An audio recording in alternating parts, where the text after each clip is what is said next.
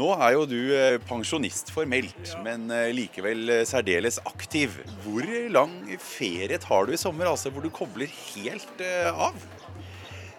Ja, Det er jo ikke noe skarp grense mellom ferie og arbeidstid for folk i min alder, da.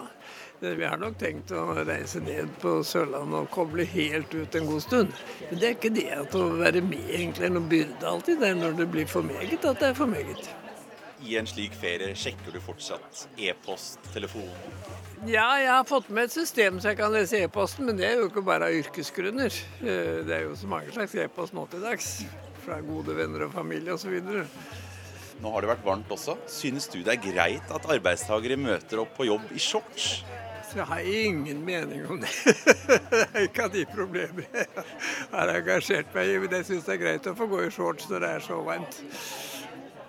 Hva ser du nå som den største politiske utfordringen i Norge i tiden fremover? Ja, Da må jeg få si først at vi er jo veldig begunstiget i Norge. Jeg pleier å tillate meg å si vår Herre holder sin hånd over Norge. Men jeg kan kanskje legge til han kan bli lei av det. Nei, eh, vi, vi har jo fremdeles eh, et fattigdomsproblem. Det må vi gjøre noe med.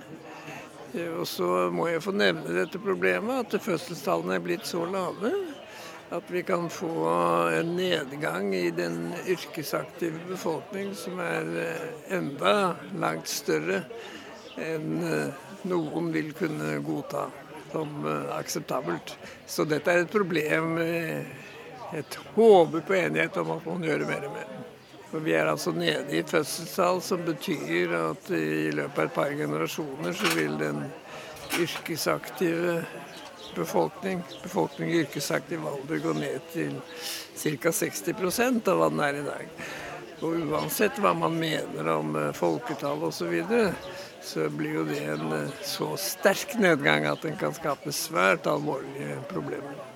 Eh, så det kan bli en eh, uoverkommelig byrde å skape brede sosiale goder. Det skal gjennomsnittet for kvinner i fødedyktig alder bli høyt nok til å opprettholde befolkningen, så må altså gjennomsnittet bli 2,1.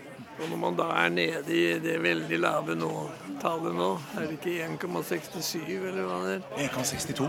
1,62, ja. Ja, så er jo det svært langt under. Og hvis man tenker seg dette i et par generasjoner, så blir virkningen voldsom. Nå, det er sikkert veldig uenighet om, om eh, hvor hvilket vekt man skal legge på å opprettholde befolkningen osv. Men det kan vel ikke være stor enighet om at så brå forandringer vil i alle fall skape svære sosiale problemer. Japan har jo hatt lave fødselstall siden 1980-tallet eh, og veldig stagnerende økonomisk vekst. Det kan kanskje være et, eh, et, eksempel? Jo, men det er jo meget mer enn økonomisk vekst. Betydningen av økonomisk vekst kan det sikkert også være uenighet om. Men brå forandringer og dette at eh, det blir veldig relativt få i yrkesaktiv alder til bl.a. å ta seg av en meget større befolkning av eldre som er utenfor arbeidsdyktig alder, det, det, skaper sosiale problemer som man bør tenke grundig gjennom, for å si det svært forsiktig. Hva bør gjøres etter ditt syn? Par som ønsker å få tre barn, vil vite at da får de dårligere råd. Så jeg håper man kan få enighet om at man må gjenopprette de goder som førte til at uh, par med tre eller flere barn kunne føle omtrent samme økonomi som andre. Den neste oppgaven, nemlig å sørge for at eh, man på alle inntektsnivåer kan opprettholde omtrent sin etablerte levestandard selv om man får et barn til, der er man for seint ute. Der må det gjøres mer. Økt fokus på barnetrygd for alle og skattelette, er det slik å forstå? Ja, altså det, Økt lik barnetrygd for alle er jo sosialt en veldig fin ordning. For der når man jo effektivt frem til dem som har så lav inntekt at de ikke betaler noe særlig skatt. Så tanken måtte være å kombinere skikkelig fradrag i skatten med barnetrygd for dem som har så lav inntekt at de ikke får fullt utbytte av disse skattefradragene. Er det en fare for at problemet vil vokse før det kommer kraftfulle løsninger? Tar det ofte tid for politikerne? Ja, Ikke bare tar det tid for politikerne å forandre politikk. Men eh, det er jo også dette at det tar tid før endret politikk får virkninger på fakta. Altså virkninger f.eks. på fødselstallene. Så jeg tror nok det er viktig nokså raskt nå å få bedre vilkår for barnefamilier i forhold til andre, slik at flere i den relevante alder velger å få tre eller flere barn. For skal gjennomsnittet bli slik at eh, befolkningen blir opprettholdt i rimelig grad, så må kårene for barnefamilier generelt bli bedre enn det er i dag, relativt til andre. Så har man altså latt barnetrygden falle. Uten å gjeninnføre skattefradrag for barnefamilier. Ja, da går det galt, altså.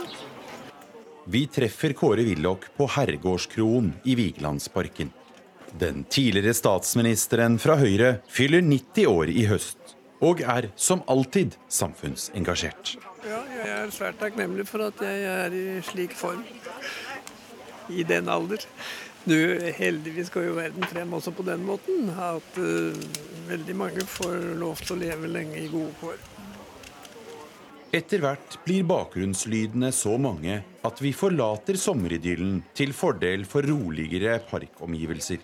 Men det er ingen tvil om at den politiske nestoren settes pris på av gjestene. På vei ut får Willoch mange varme smil, og sågar flere oppmuntrende kommentarer. Hvordan ser du på din egen eh, innflytelse i samfunnet i dag? Det har jeg heldigvis ingen grunn til å ha noen alvorlig mening om. Men eh, noen ganger setter jeg jo pris på å få anledning til å mene noe om en sak. Men jeg er jo den begunstigede stilling at jeg kan eh, la være å mene noe når det passer. Eh, du klarer fremdeles å vippe et Høyre-landsmøte, f.eks. Jonas Gahr Støre så sent som i fjor trakk jo frem deg som et eksempel i sin landsmøtetale. Det er ganske bred innflytelse. Ja, veldig hyggelig. Hva det for øvrig betyr, er ikke jeg objektiv nok til å mene noe om. Får du ofte gitt eh, Erna Solberg råd også? Hun trenger ikke mye råd. Men eh, jeg behøver jo aldri legge skjul på hva jeg mener, og setter stor pris på at man eh, i Høyre alltid har hatt vilje til å drøfte saker. Det er meget viktig, for det er en forestillingen om at en enkeltperson alltid kan automatisk finne noen riktig løsning, jo helt utenfor virkeligheten. Jeg følte selv da jeg drev med politikk, at jeg var veldig avhengig av gode rådgivere. I nyere tid så har faktisk da Erna Solberg eh, gått forbi og har nå sittet lenger som statsminister for Høyre enn deg. Veldig bra, syns jeg. Håper hun blir sittende riktig lenge. Først, selvfølgelig først og fremst for Norges skyld, men det er jo veldig hyggelig også. Ja, jeg syns hun er veldig flink. Tror du hun klarer å holde koalisjonen eh, sammen i, i, i overskuelig framtid? La meg heller si det slik, jeg tror hun klarer det bedre enn noen andre ville klare det. Men det trengs jo flere parter, da. Jeg syns nok eh, Ja, det må jeg ha lov til å mene. En del andre partier er litt vriene, for å si det forsiktig. Håper du også at eh, KrF følger etter Venstre og, og snart blir en del av eh, Solbergs regjering? Ja, Etter mitt skjønn ville det være langt den beste løsning. Så tillater jeg meg dessuten å mene, selv om det ligger utenfor mitt område, at det ble best for Kristelig Folkeparti også. Hvorfor det? Ja, jeg tror eh, det ville være det beste for styringen av landet. At man eh, fikk en slik eh, sammenhengende blokk. Jeg tror dette systemet, at en regjering til enhver tid må søke støtte fra partier utenfor regjeringen, har lett for å føre til for sterkt økte utgifter. Er det mulig for Høyre å igjen gå seirende ut av et stortingsvalg en tredje gang? Ja, ja, ja, det er godt mulig. Vi kan jo håpe og nesten tro at Høyre kan være den posisjonen som det største partiet, det naturlige styringspartiet. Det er jo den posisjonen Erna har brakt opp i nå. Fremskrittspartiet var jo en utfordring for deg. Nå sitter Fremskrittspartiet i regjering med Høyre. Ja, det syns jeg er veldig bra. Har du også endret en del syn på Fremskrittspartiet de siste årene? Jeg kan vel få si det sånn. Fremskrittspartiet har endret seg ganske kraftig. Uh, viktig er jo bl.a. at de har fått større forståelse for at utgifter må begrenses hvis samfunnsøkonomi skal gå godt til beste for alle. Er det fremdeles noe du føler er ugjort i politikken? Noe du gjerne vil være med å påvirke, som er viktig fremover? Ja, det vil det jo alltid være. Og det vil føre altfor langt å prøve å nevne alle de gode ting som må gjøres. Men det ligger vel i samfunnsøkonomers skal man si erfaringsgrunnlag. Man er veldig opptatt av å holde orden på økonomien. Ikke fordi økonomien er så avgjørende i seg selv, men det er et avgjørende vilkår for å klare å løse alle de andre viktige sosiale, følelsesmessige osv. oppgaver. Tror du Norge er en konkurransedyktig nasjon hvor vi har omtrent samme nivå på velferden også om to-tre tiår fremover? La meg heller si det slik. Vi har rike muligheter. Men eh, hvis vi gjennomfører flere goder raskere enn vi har råd til, så kan det gå galt. Så Det er jo et eiendommelig forhold i politikk at uh, for meget og for lite fordeler alle ting. Og vi har hatt mange utvidelser, varige kostnadsøkninger, ja, ja. også de siste årene. Nei, Dette å tilpasse kostnadene til det samfunnet som kan bære, er jo en viktig sosial og kulturell oppgave, for å si det sånn. Nemlig det er et vilkår for å klare å løse disse sosiale og kulturelle og alle andre oppgaver godt nok. Så det er ikke slik at de som bremser, egentlig bremser fordi de er ubehagelige. Eh, det er fordi man ønsker å bevare vilkår for gode forhold for alle.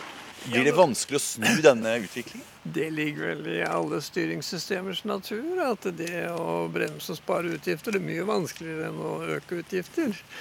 Man må da legge til at det ofte er det jo et vilkår for bedre vilkår for alle at man er villig til å skjære ned på noen. Kommer vi til å klare det?